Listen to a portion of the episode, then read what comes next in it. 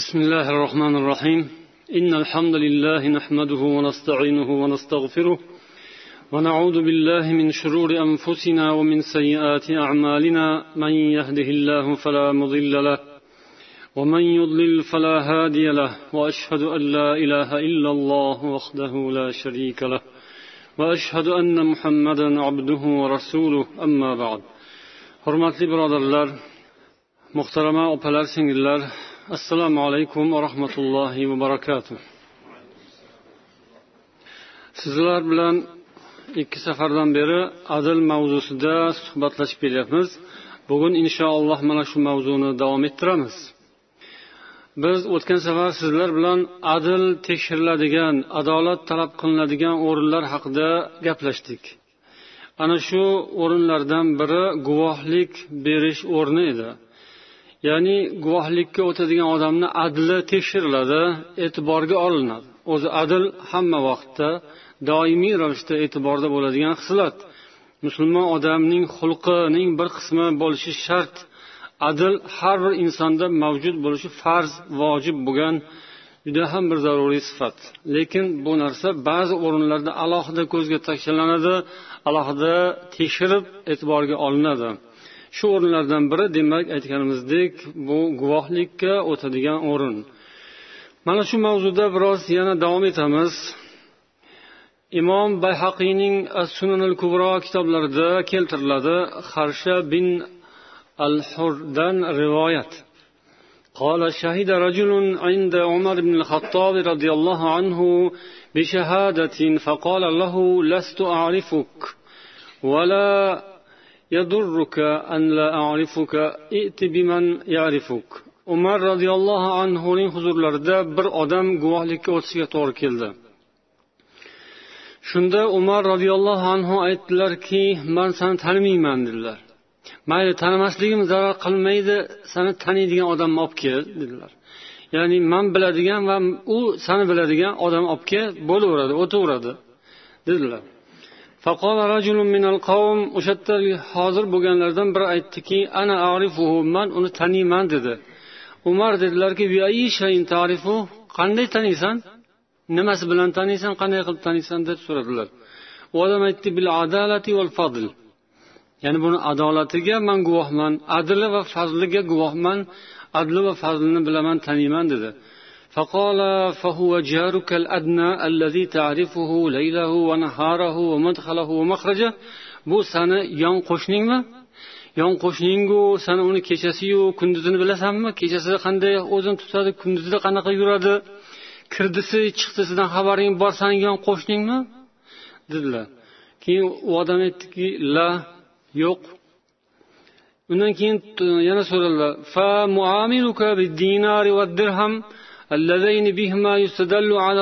bo'lmasam san dinor bilan dirham bilan taniysanmi? Mana bu dinor dirham bilan odamni taqvosi ham ma'lum bo'ladi. San balkim shundan tanirsan. Ya'ni bu deganlari nima? Pul muomalasiga kirishgan oldi berdi qilgandirsan balkim dedilar. Keyin yana so'radilarki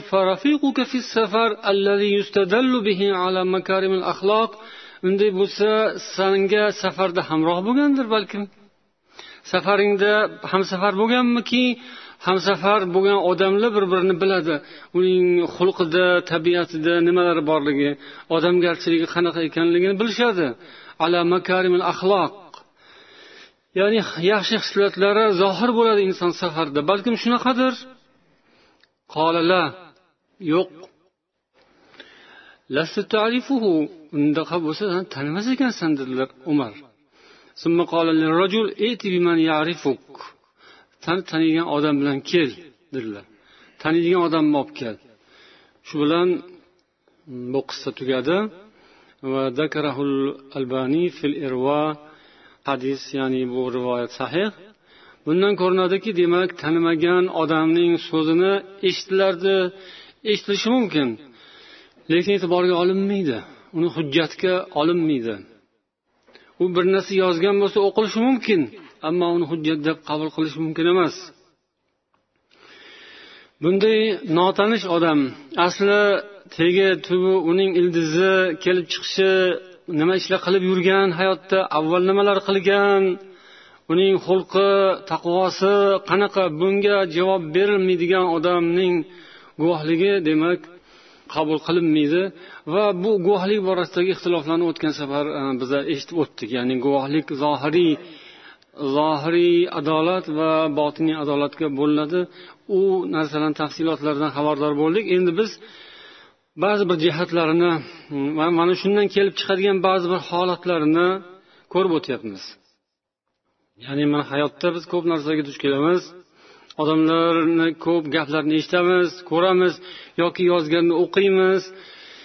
Mana shunday holatlarda biz modomiki musulmon ekanmiz modomiki shariatga amal qilib kelayotgan ekanmiz bu o'rinlarda ham amal qilishimiz kerak. Buni esimizdan chiqarishimiz kerak emas va qanday amal qilishni ham bilishimiz kerak. Ko'pincha biza qanday amal qilishni bilmaymiz chunki ildizini bilmaymiz qoidani bilmaymiz.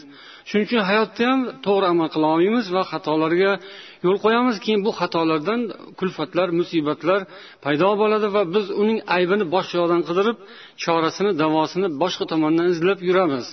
Bu yaxshi emas. Hayotda har kim har xil o'zini o'rniga ega. Kimdir shoir kimdir yozuvchi kimdir imom kimdir mudarris kimdir o'qituvchi kimdir jurnalist muxbir kimdir sudya yoki prokuror yoki va hokazo. Hokim vazir podshoh boringki prezident kim bo'lsa bo'lsin hammani dunyoda qiladigan ishi bor. Vazifasi bor o'rni bor. Hamma gapiradi hammani og'zi bor. Hammani tili bor. Hammani fikri bor. Hamma gapirgisi keladi gap so'z odamlarni og'zidan chiqadi va yoziladi. Xullas bu narsalar juda ham e'tiborli e'tiborli jihati shuki kim uni gapiryapti? Albatta nima deyayotganiga ham qaraladi maqolam bor. Nima deganiga qara kim gapirganiga qarama degan maqol bor. U o'zini o'rnida ishlaydi. Agar uning gapirgan gapi haqqu rost bo'lsa ixtilofsiz bo'lsa unda o'shanaqa egasiga qarama kim gapirganiga qarama nima deganiga qara. Namoz o'qi deyotgan bo'lsa qur'on o'qish kerak deyotgan bo'lsa halol poklik olloh payg'ambar bundan gapirayotgan bo'lsa besh qo'lday aniq ravshan narsani kundek ravshan narsani gapirayotgan bo'lsa uni masalasi alhamdulillah qiyin emas. Lekin hamma gaplar ham kunday ravshan gaplar bo'lavermaydi nizolar janjallar nima? Ko'p gaplar shu kelishib bo'lmaydigan gaplarda. Shuning uchun kim gapirayotganiga qarash kerak? Ya'ni uning roviysi kim? Uni sanadi qanaqa? Hadislarni roviyu sanad ilmi ham shundan kelib chiqqandi odamlar har xil gaplarni to'qib tashlayvergandan keyin hadis deb o'zini maqsadiga erishish uchun har xil maqsadlarga yetish uchun hadislarni to'qishga odamlar boshlagandan keyin keyin bu san'at rivoyat ilmlari ham rivoj topgan. Va bu hamma o'rinda tadbiq qilinadigan e'tiborga olinadigan narsa. Kimdir rost gapiradi kimdir yolg'on gapiradi tuhmat gaplarni gapiradi odamlar yolg'onni yozadi yoki ig'vo tarqatadi va hokazo bunday narsalarda ehtiyot bo'lish kerak.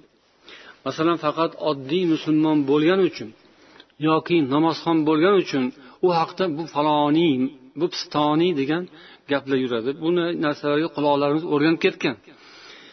Yoki bu yana palon piston ekstremist terrorist va hokazo va hokazo degan gaplar. Bu gaplarni odamlar gapiryapti. Bu gaplarni yaxshilar ham gapiryapti yomonlar ham gapiryapti.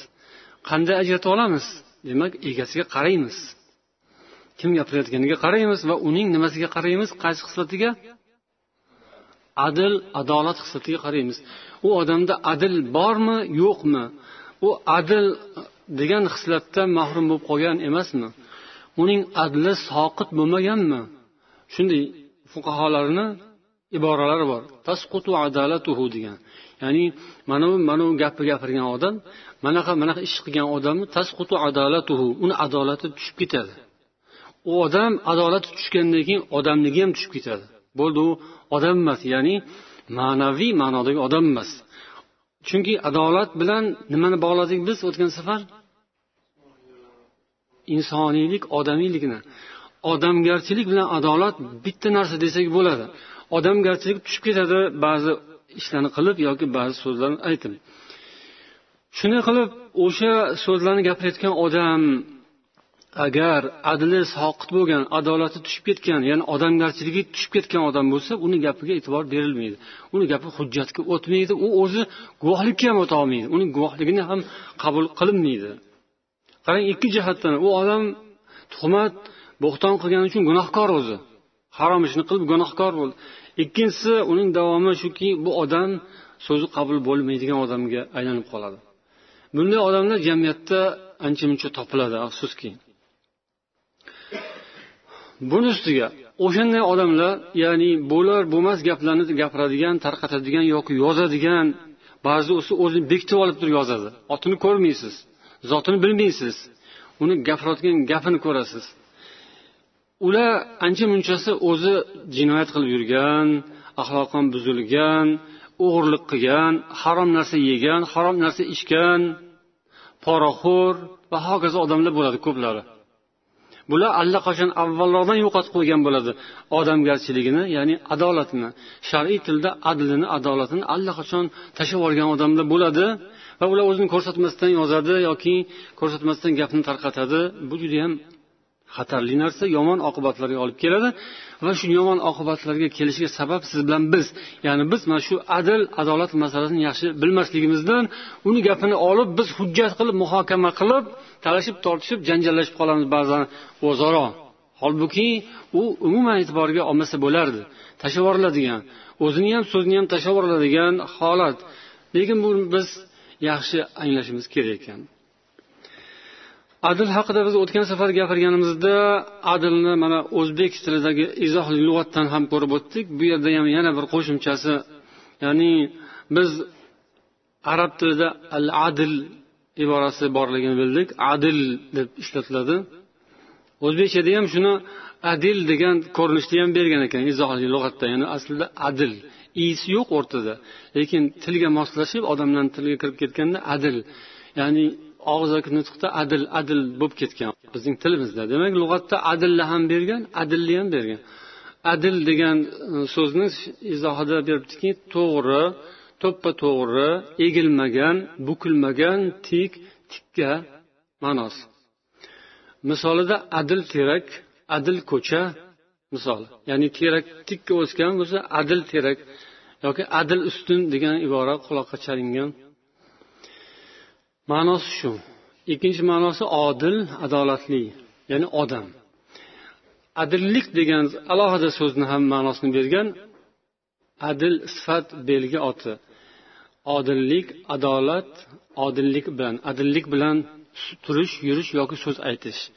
Ya'ni inson to'g'ri haq so'zni aytadigan odam bo'lsa uni adil deymiz va o'shanday odamning so'zini biz qabul qilamiz hujjat bo'ladi e'tiborga olinadi endi mana shu o'rinda yolg'on guvohlik va g'iybat haqida to'xtab o'tishimiz kerak chunki bu bir biriga bog'liq narsa al mavsuatul fiqhiyatul kuvaytiyada shahadatu zurni alohida keltirilgan ya'ni bu nima عند الفقهاء هي شهادة الشهادة بالكذب ليتوصل بها إلى الباطل من ائتلاف نفس أو أخذ مال وهكذا shariatda fuqarolar nazarida shahadatu zur degani yolg'on botil guvohlik berish bundan maqsad botil narsaga botil maqsadga erishish bir insonga zarar yetkazish yoki bir molga ega bo'lish pulga ega bo'lish va hokazo bu narsa harom qat'iy harom. Ko'p odam lekin mana shu ishni qilib yuradi ya'ni harom maqsad bilan harom pul topadi harom yeydi. Bunday insonlarni ham demak e'tibori yuqoridagi hukmga kiradi. Ular odamgarchilikdan mahrum bo'lgan odamlar. Masalan mahkamalarda guvohlikka o'tadiganlar bo'ladi. Bir biridan o'ch olish uchun yolg'on to'qib gapiradigan odamlar bo'ladi. Bunday insonlar ham demak ko'plari bilmasligi ham mumkin johilligidan ham shunday ishlarni qiladi ba'zilar bilib turib qiladi لا خلاف بين الفقهاء في أن شهادة الزور من أكبر الكبائر eng katta gunohlardan o'zi kabira gunohlari bor sanalgan lekin o'shani ichida ham kattasini kattasi bu ya'ni shahadatu zur payg'ambar sollallohu alayhi vasallam bundan qattiq qaytarganlar alloh taolo ham qaytargan qur'oni karimda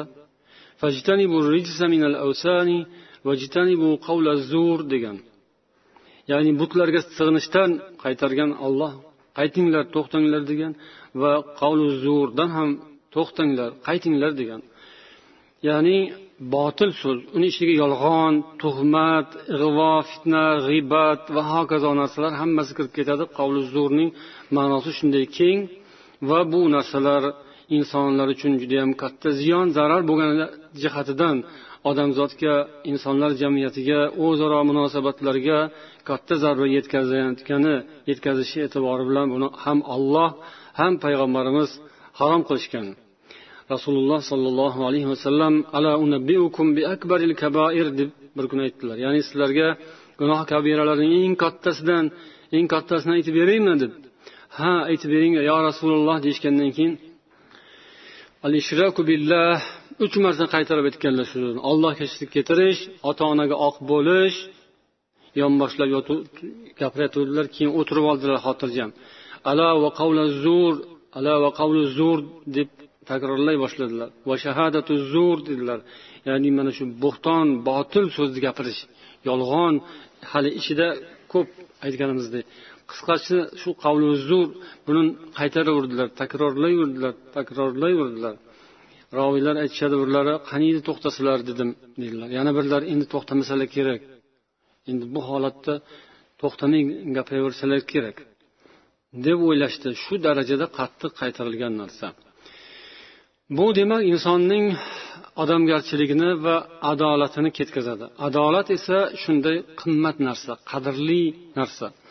Bu faqat ma'lum o'rinlardagina tekshirilsa ham lekin har kuni har lahzada kerak narsa. Doimo siz bilan bizga hamroh bo'lishi lozim bo'lgan narsa. Shuning uchun ham inson og'zidan chiqadigan so'zini qiladigan ishi ham muomalasi hamku lekin og'izdan chiqadigan so'z qavli zur shahadatu zur so'z bilan bo'ladi gap bilan bo'ladi tilda bo'ladi. Eng qattiq ta'kidlab qaytarilgan narsa. Hammamiz tilimizga o'zimizga ehtiyot bo'lishimiz kerak ekan. Alloh taolo hammamizga tavfiq bersin. Gapiradigan gaplarimiz yoki yozadigan narsalarimiz yozuvda. Mana yozuv desa aytish mumkin. Yozadiganlar alohida-ku biz emas lekin mana shu yerdagilar hammamiz yozadiganlardanmiz hammamizda skype bormi? Hammamizda kompyuter bor hammamiz yozamiz. O'sha ba'zan og'zimizda gapiradigan gapni qo'limizda yozamiz. Yoki ba'zan gapirolmaydigan gapimizni qo'limizda yozamiz. Bunda ham demak ehtiyot bo'lishimiz kerak. Mas'uliyat javobgarlik hammamizda bor. Inson o'zini alloh huzurida javob berishini bu aytgan so'zlari uchun natija aks sado kelishini o'ylasa albatta o'ylab gapiradi va o'ziga tiliga yurib turishga albatta ehtiyot bo'ladi. Endi mana shu o'rinda yana bir e, narsa borki shunday ko'p gaplarni gapiradigan yoki narsalarni har xil maqolalarni yozadigan odamlar ma'lum bir maqsadlarni ko'zlaydi. Ba'zilar siyosiy maqsadlarni ko'zlaydi. Ba'zilar hukumat mansablarini ko'zlaydi. Va o'sha o'sha nuqtaga erishish uchun ko'p narsalarni yozadi yolg'onlarni gapiradi yolg'onlar ishlatib bu maqsadga erishishga harakat qiladi. Lekin biz o'tgan safar ham o'tgan safargi suhbatda ko'rib o'tgan adolat tekshiriladigan talab qilinadigan o'rinlardan biri nima edi yana? Mansab martaba. Mansab martabaga tayinlanayotgan odam adolati tekshirilishi kerak. Lekin ko'p o'rinda mansab martabaga intiladigan odamlar yolg'on yo'l bilan botil bilan aldamchilik bilan ig'vo fitnalar bilan bir birini ustiga mag'zavalar ag'darish bilan intiladi. U yetib bormasdan turib boshlagan nuqtasida o'zi tushgan bo'ladi. Qoqilgan bo'ladi yiqilgan bo'ladi ya'ni uni adolati o'sha yerda to'kilgan bo'ladi. U mansab u yoqda tursin shu turgan joyini o'zida o'zini o'zi rasvo qilib qo'ygan bo'ladi odam billah. Endi agar islomiy mezon bilan shariat mezoni bilan o'lchanadigan bo'lsa o'shanday maqomi martabaga aslo noloyiq aslo loyiq emas. Chunki uning eng oddiy sifati oddiy musulmonda oddiy insonda mavjud bo'lishi talab qilinadigan sifati yo'q. Allaqachon yo'qotgan? Qaysi sifat? Adolat sifati adl sifatini.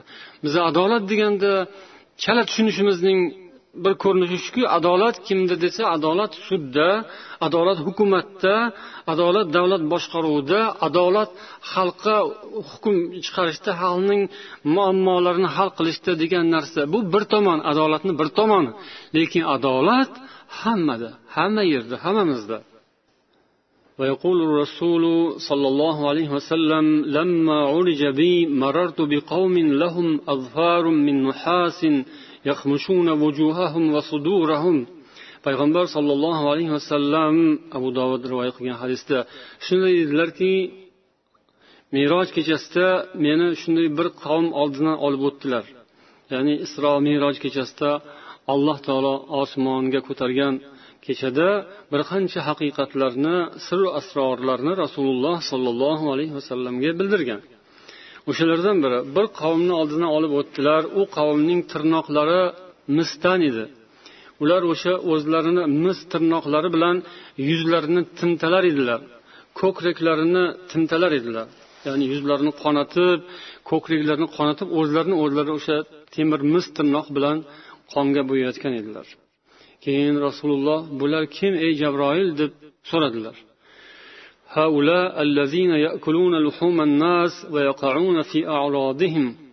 Bular odamlarning go'shtini yeydiganlar va odamlarni obro'sini to'kadiganlar dedilar.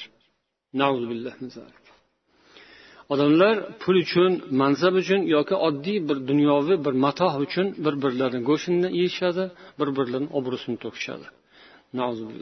Alloh asrasin. Musulmonlarni olloh asrasin bundan. يا معشر من آمن بلسانه ولم يدخل الإيمان قلبه rasulullohdan bu ham bir rivoyat alboniy sahih sanagan ey tili bilan iymon keltirganlar jamoasi ya mashar ey tili bilan iymon keltirgan ammo qalbiga hali iymon kirmaganlar jamoasi musulmonlarni g'iybat qilmanglar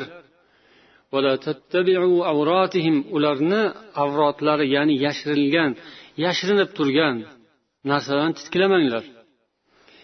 Ya'ni shunaqa yashiringan narsalar bo'ladiki uni titkilasa chiqadi ko'tarsa ochiladi. U juda sir sandiq emas po'lat sandiq emas seyflarni ichida emas ochiq sochiq lekin u narsa yopilgan deyiladi. Ko'pda zohir bo'lmaydi. O'shanaqa narsani birov bunday tortsa chiqadi. Bir alomatlari bo'lishi mumkin. Bu odamlarni avratini ochish bo'ladi. Odamlarni uyatini ochish ya'ni uyaladi o'shani ochilsa. Shunaqa qilmanglar dedilar rasululloh sollallohu alayhi vasallam.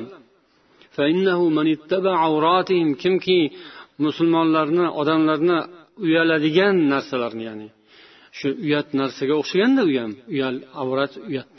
O'sha ayblar nuqsonlari kamchiliklari borki u ochilsa odam uyaladi. Shunday uyaladigan narsalarni qidirmanglar ochmanglar titkilamanglar. Kimki mm, ularni shunday uyaladigan jihatlarni ochsa olloh uning avratini ochadi.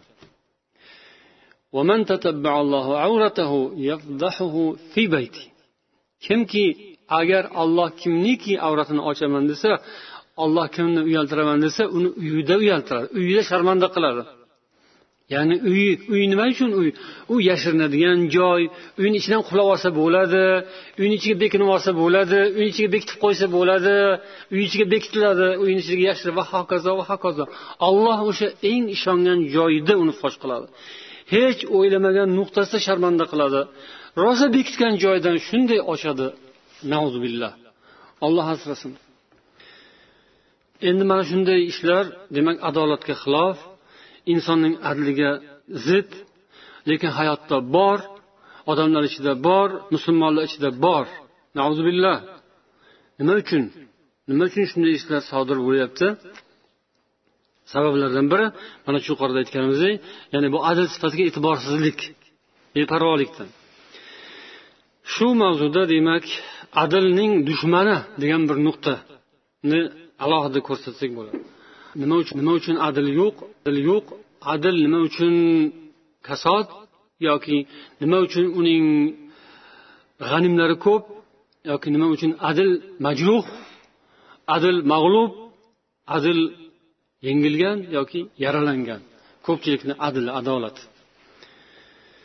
Bunga mana imom g'azzoliyni mana bu so'zlari javob inshaalloh قال الغزالي رحمه الله تعالى إن حظ العبد من العدل أمر ظاهر لا يخفى har bir inson adildan bo'lgan nasibasi ochiq oydin ya'ni adildan nasibasi bo'lishi kerak har bir odamni shaksiz فأول شيء يجب عليه من العدل في صفات نفسه har bir inson adolat sohibi bo'lish uchun adolati bilan birga qolish uchun unga vojib bo'lgan narsa o'zining sifati nafsining sifatida shu narsaga ehtiyot bo'lish kerakki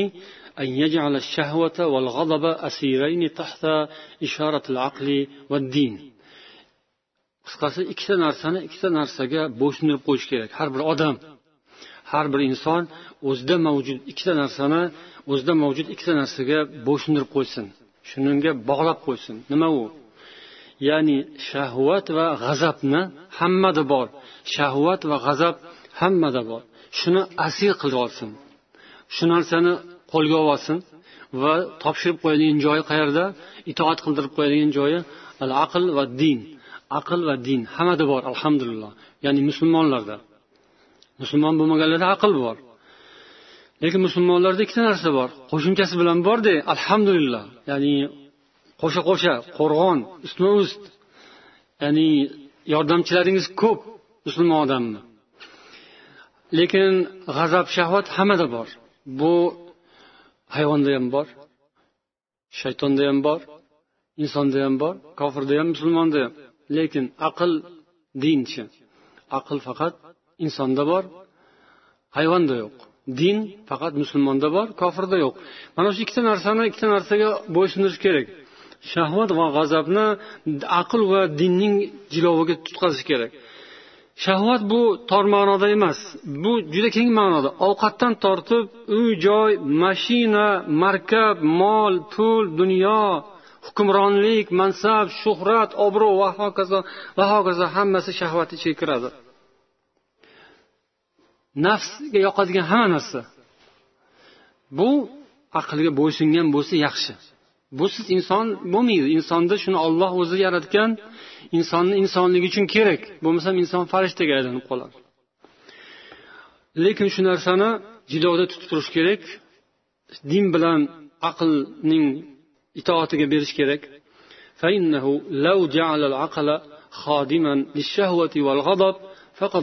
Agar deydilar imom g'azzoliy aqlni shahvat va g'azabga xizmatkor qilib qo'yilsa u odam albatta zulm qiladi buni natijasi albatta zulm هذا هي في الجملة فأما في تفصيلات ما يجب عليه في العدل demak bu umumiy tarzda buning tafsiloti bo'lsa yana davom etishi mumkin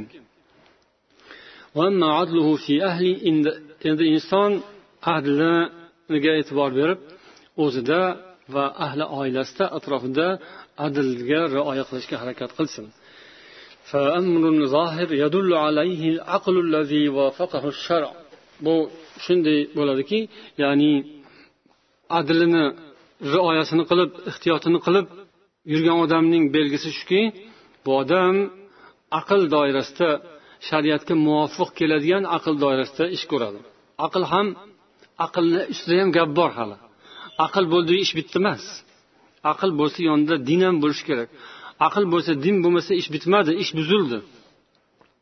Aql shunaqa aqlki shariatga muvofiq keladigan aql va shuni o'rtasida demak insonning adli mavjud bo'ladi. Adlning dushmani demak inson adlning dushmani aql va shariatni tanimaydigan g'azab bilan shahvat.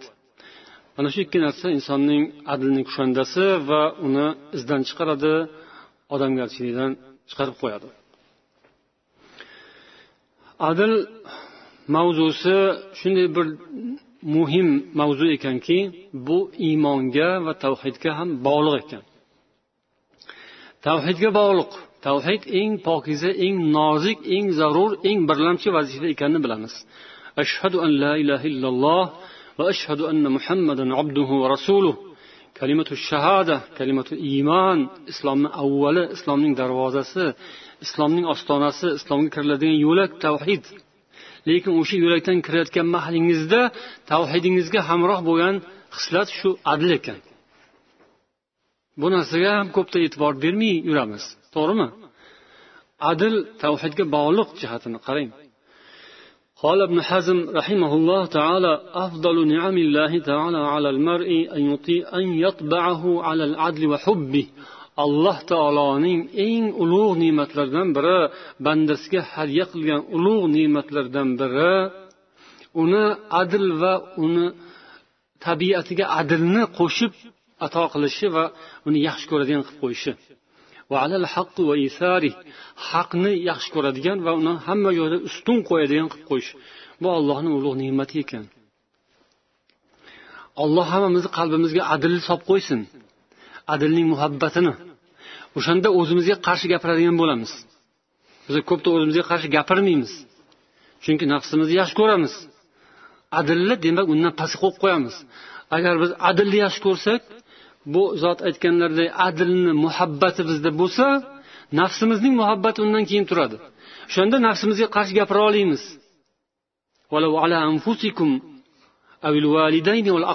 degan olloh qur'onda agar o'zingizga qarshi bo'lsa ham to'g'ri gapiring adil bo'ling.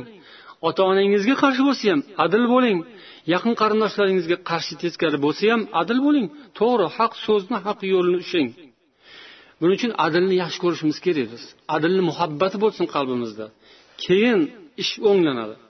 Chunki adil o'sha adil tik to'g'ri egri emas. Ish o'shanda paydo bo'ladi. Hamma narsa to'g'ri bo'lishi uchun demak avval adil bo'lishi kerak va uni biz yaxshi ko'ra olishimiz kerak. Ko'p narsani gapiraveradigan odamlar yuqorida aytilganidek og'ziga qaramay gapiradi deyishadiyu. Shunaqalar demak adilni hech ham yaxshi ko'rmaydi ular. Adilni yaxshi ko'rsa u to'xtaydi yaxshi ko'rsa avvalo o'ziga inson jog'lik qiladi va ehtiyotini qiladi. Endi biz yuqorida aytganimiz ya'ni adil bilan qaysi hislat bog'liq ekan? Yana? Tavhid rahmat. Orada shuni so'rab qo'yaman chalg'ib ketmaylik. Sizlar ham man ham chalg'ib ketmaylik xayollarimiz boshqa yoqqa ketib qolmasin deb. Demak eng oxirgi bog'liq bo'lgan narsa nima ekan? Tavhid. ya'ni biz gapirgandagi oxirgi قال ابن القيم رحمه الله تعالى التوحيد والعدل هما جماع صفات الكمال tavhid va adl bular kamolot sifatining tuguni jam qiladigan nuqtasi kamolot sifati juda ko'p Ya'ni odamgarchilik xulqu atvor makarimul axloq bu insonning komilligiga olib boradigan sifatlar. Lekin o'shalarni tugadigan nuqtasi bor. Mahkam ushlab turadigan mahkam tugib qo'yadigan ikkita tugun joyi bor. Ikkita nuqtasi bor. Yoki ikkita tugun ustma ust. Ba'zida har joydan emas bir joydan ko'pgina tugiladi. Bitta tugib ustidan yana bitta tugib qo'yasiz. Agar shunaqa desa ikkita tugun desak o'shani birinchi tuguni nima ekan? Tavhid. Ikkinchi ustidan tugiladigan tugun nima ekan? Adl birinchi tugun yechilsa xavotir paydo bo'ladi ikkinchisi ham yechilib ketishi mumkin. Tezroq tugib qo'y tugib qo'y.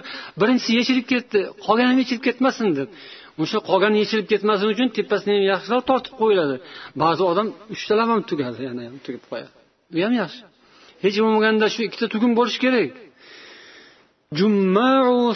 Kamal.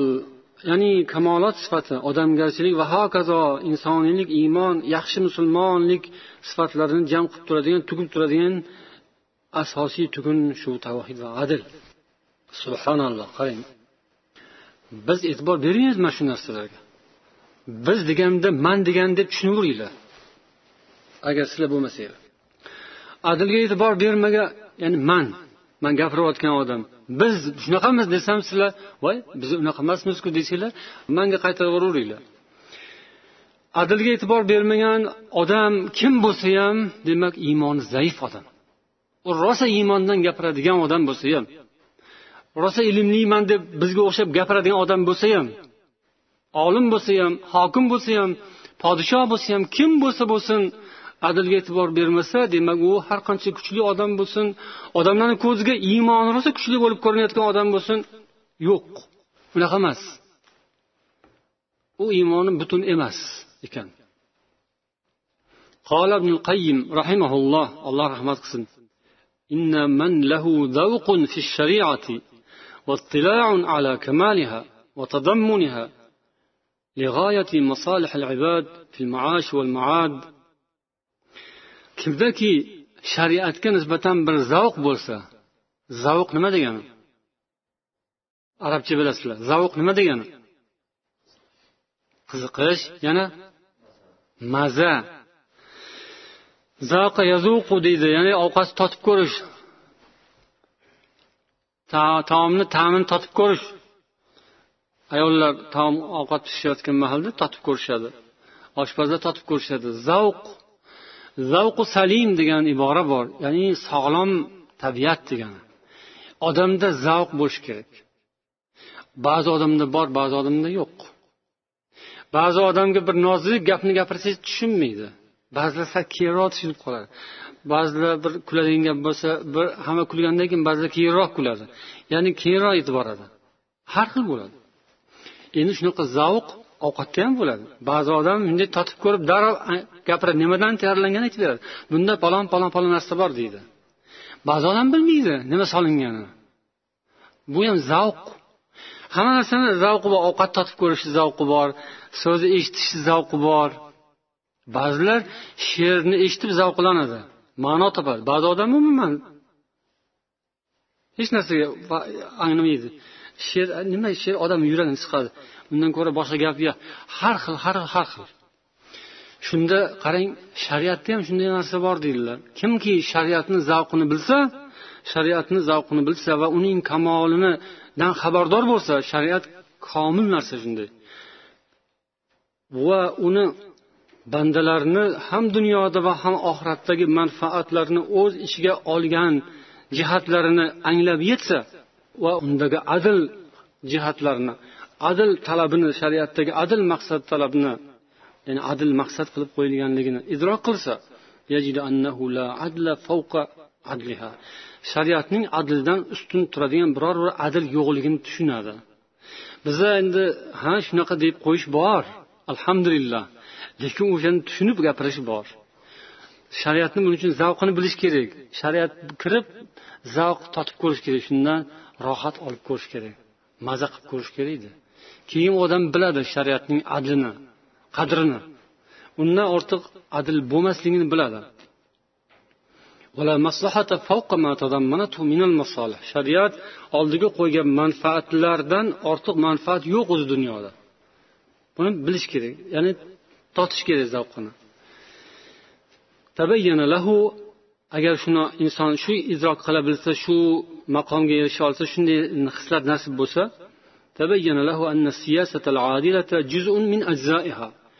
odil siyosat shariatning juz ichidagi bir juz ekanini biladi anglaydi va farun min furuiha uning shoxlaridan bir shox ekanini anglaydi agar kimki uning maqsadi shariat maqsadlarini yaxshi anglab yetadigan bo'lsa va hokazo va hokazo lam yahtaj maaha ila siyasatin ila siyasati g'ayriha albatta shariat siyosatdan boshqaga hech qachon muhtoj bo'lmaydi فإن السياسة نوعان إكخل بولا السياسة ظالمة عادلة.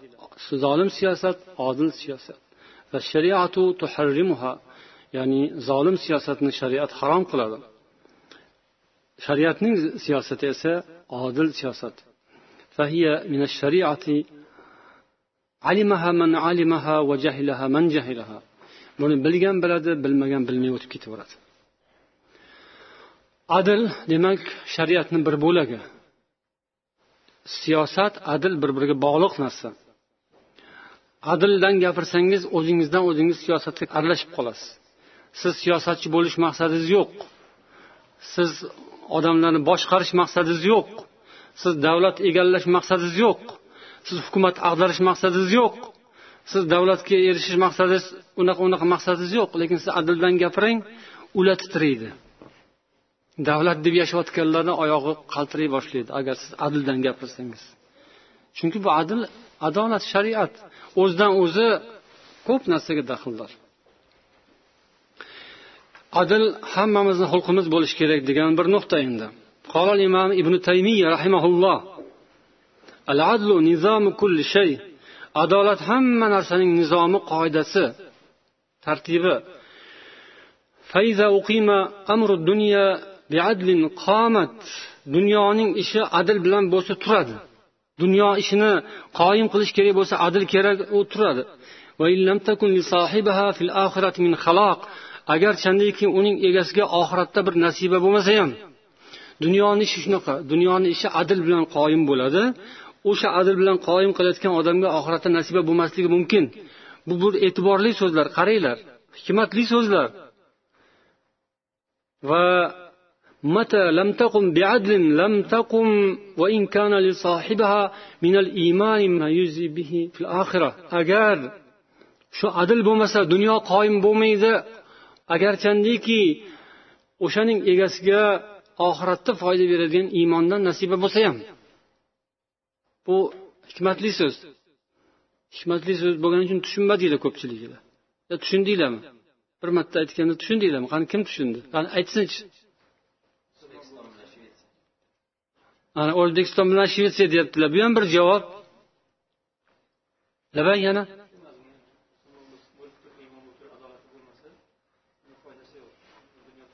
dunyo turmaydi. Dunyo harob bo'ladi. Dunyo yo'q bo'ladi. Dunyoga qo'shilib din ham nauzubillah harob bo'lishi mumkin. O'shanisiga sabab bo'lgan odamda odamga oxiratda nasiba bo'lishi mumkin. Ya'ni iymoni bor.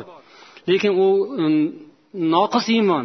Shu noqis iymon bilan dunyodan nima bo'lib ham ketsa oxiratda najot topadi. Lekin dunyo ketadi undan. Dunyoga qo'shilib dinga ham zarba yetadi.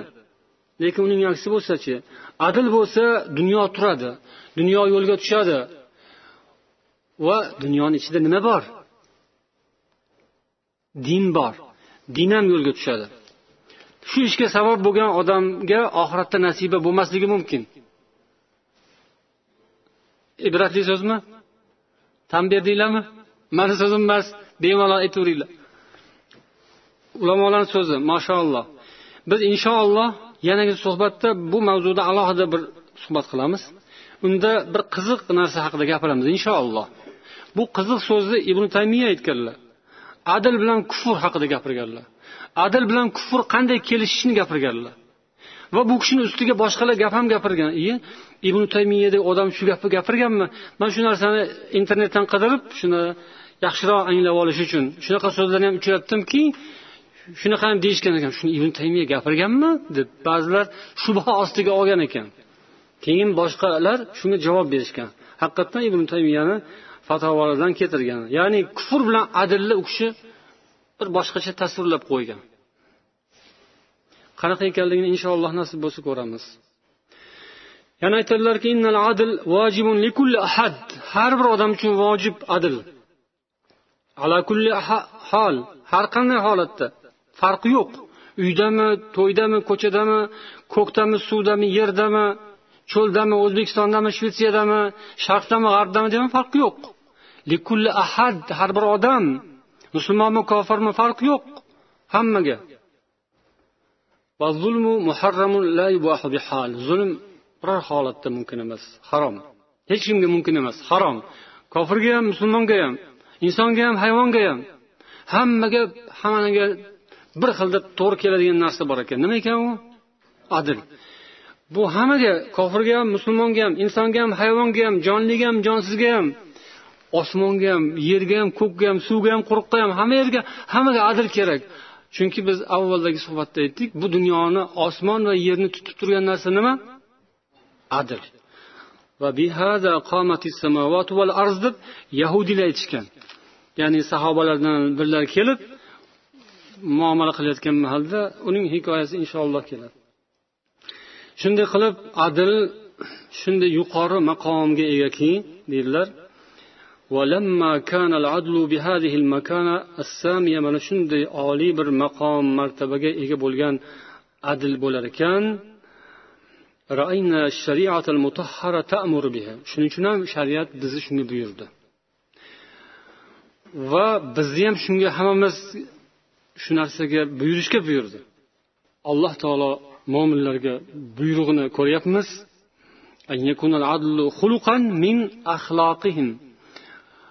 adl musulmonlarni har birlarini ularning xulqlarini bir ajralmaydigan qismi bo'lishi kerak.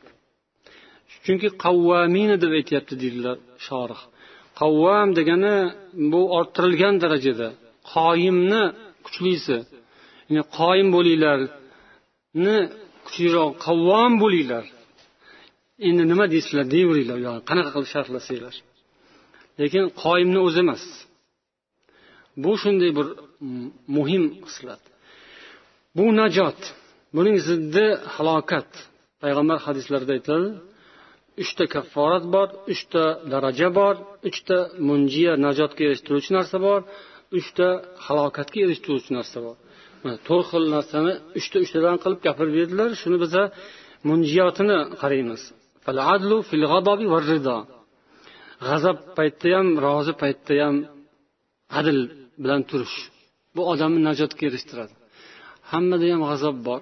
Hammada ham rozilik bor. Nimadandir rozi bo'lib xursand bo'lamiz yoqib ketadi. Nimadir yoqmaydi jahlimiz chiqib ketadi. O'shanda ham adl kerak bunda ham adl kerak. Yoqib ketgan narsasida bunday qo'yib yuboramiz ketib qoladi bilmay qolamiz.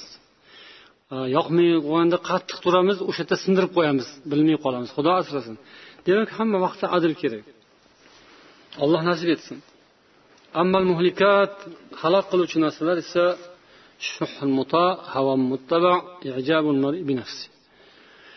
odam halok qiladi. Havosiga ergashib ketish ko'ngliga yoqqan ishni qilaverish yo deyaverish va o'zining o'ziga o'zi mahliyo bo'lish. Ijob halokat. Ulamolar haqida bir og'iz so'z. Ya'ni mavzuda shunday kelyapti. عن إبراهيم بن عبد الرحمن العذري رحمه الله رضي الله عنه دان. قال رسول الله صلى الله عليه وسلم يحمل هذا العلم من كل خلف عدوله bu ilmni har bir avloddan udullari ko'tarib yuradilar ilm nima degani bu din degani islom bu yani rasululloh ilm deganda islomni iymonni shariatni nazarda tutyaptilar Shariatni kim ko'tarib yuradi yelkasida islomni dinni kim ko'tarib yuradi yelkasida dunyoda ko'tarib yurishga arziydigan eng birinchi loyiq narsa nima? Din bu islom shariat. Buni kim ko'taradi yelkasida ilm ahli ko'taradi. Shariatdan nasibasi ilmi bor odam. Buni ham darajasi har xil. Birov ko'proq ilmli birov ozroq ilmli lekin ilm sohiblari ko'tarishadi va ularning sifatlari adil bo'lishadi. Adil odamda bo'ladi. Omonat ilm. Ya'ni o'sha yuqorida sanalgan adl xislati qalbida mavjud bo'lgan odamda dindan nasiba bor. O'sha dindan omonatni ko'tarib kimgadir yetkaza oladi o'sha odam. Ular deydilar dinda chuqur ketib g'ulu ketib qoladiganlar bo'ladi. O'shalardan o'shalarni buzg'unchiliklardan tahriflardan saqlashadi tozalashadi. Va bekorga chiqarib dinni ancha muncha narsasini ha bu kerak emas hozir qilmasa ham bo'ladi deb teskari turib qo'yadigan botillar mubtillar bor battollar bor. O'shalarni ham qilgan qilmishlaridan tozalab turishadi. Johillar bor o'zicha gapiraveradi dindan. Hamma narsani biladigandek ularni ham qilgan qiliqlaridan tozalab turishadi. Bular ilm ahli. Ilm ahli mana shu yerdagilar hammanglar bo'lishinglar mumkin. Qandaydir bir nisbatan nisbiy ma'noda. Bu faqat sanoqli odamlargina emas. Hammamiz din haqida chunki gapiramiz gapirishni yaxshi ko'ramiz dinni yaxshi ko'ramiz. Din haqida savol so'rasa javob beramiz sharhlaymiz dinda unaqa degan bunaqa degan deb gapiramiz.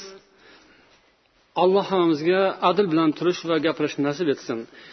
Shu bilan inshaalloh suhbatimizga yakun yasaymiz va suhbatning yakunida adolat mavzusining xulosalarini aytib o'tamiz. Keyingi mavzumiz davlat podshoh siyosat haqida adolatga bog'liq. Adolat mavzusining xulosalari. Birinchisi al amnu li sohibihi fi dunya val oxira adl sohibiga bu dunyoda ham oxiratda ham omonlik bor. Omonlik tinchlik bor xotirjamlik bor. Adl sohibi podsho bo'lsa ham xotirjam uxlaydi hamma yog'ini temir qo'rg'on bilan o'rab qo'yib vahma bilan vasvasa bilan uxlaydi agar odil bo'lmasa. Tinchlik yo'q unga. Bu dunyoda ham yo'q o'lgandan keyin albatta yo'q. Zulm chunki. Adolat sohibiga bu dunyoda ham oxiratda ham omonlik tinchlik bor. Ikkinchisi davomul mulk va adamu zavoli mulk davlat mamlakat unda bo'ladi ketmaydi. Alloh nasib etgancha turadi ya'ni. Uchinchisi rido robbi qabla ridol xalqi anil adil. Odil odamdan eng avvalo olloh rozi bo'ladi. Odamlar rozi bo'lishidan avvalroq avval olloh rozi bo'ladi keyin odamlar ham rozi bo'ladi. Chunki odamlar darrov tushunmaydi adolatni. Kim tushunadi? Olloh o'zi joriy qilganku olloh bilib turadi. Odamlar hozir bilmaydi lekin adil bo'lib borsa olloh rozimi? Odamlar ham rozi bo'ladi xudo xohlasa. To'rtinchisi salomatul xalq min sharri. Odil odamni yomonligidan kasri kasofatlardan odamlar salomat bo'lishadi. Boshqalarga ziyon yetmaydi undan beshinchisi ashabuhu ahlun lil vilayati val hukmi vat taqaddumi var rif'a. Adil sohibi loyiq. Viloyatga loyiq. Ya'ni viloyat bu o'sha eshitsa qo'rqib ketadiganlar. Biz inshaalloh adil odamlar davo qilmaydi unaqa narsani. Lekin loyiq hukmga loyiq hukmdorlikka loyiq taqaddum rivojlanishga loyiq ko'tarilishga yuksalishga shular loyiq. Kimda adil bo'lsa. O'sha loyiq podshohlikka o'sha loyiq.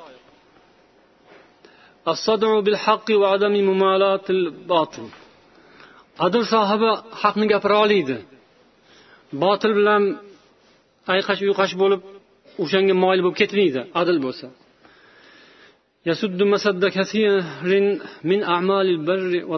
Ko'pgina solih yaxshi taqvoli amallarni o'rnini bosadi shu adil. Adil xislati bo'lsa ko'p solih amallarni qilolmasa ham shuni o'rnini shu bosib ketadi.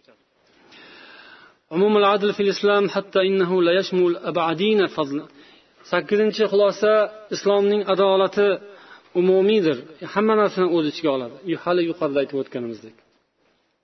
To'qqizinchisi tariqun musulun ila janna. Jannatga olib boradigan yo'l bu.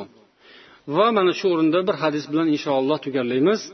muslim rivoyat qilgan hadisda an abdulloh ibn amr roziyallohu anhu أن النبي صلى الله عليه وسلم قال إن المقسطين عند الله على منابر من نور عن يمين الرحمن عز وجل وكلتا يديه يمين muqsitinlar adolat qiluvchilar qiyomat kuni rahmonning o'ng tomonida nurdan yaralgan minbarlar ustida bo'ladilar. Rahmonning ikki qo'li ham o'ng hisoblanadi.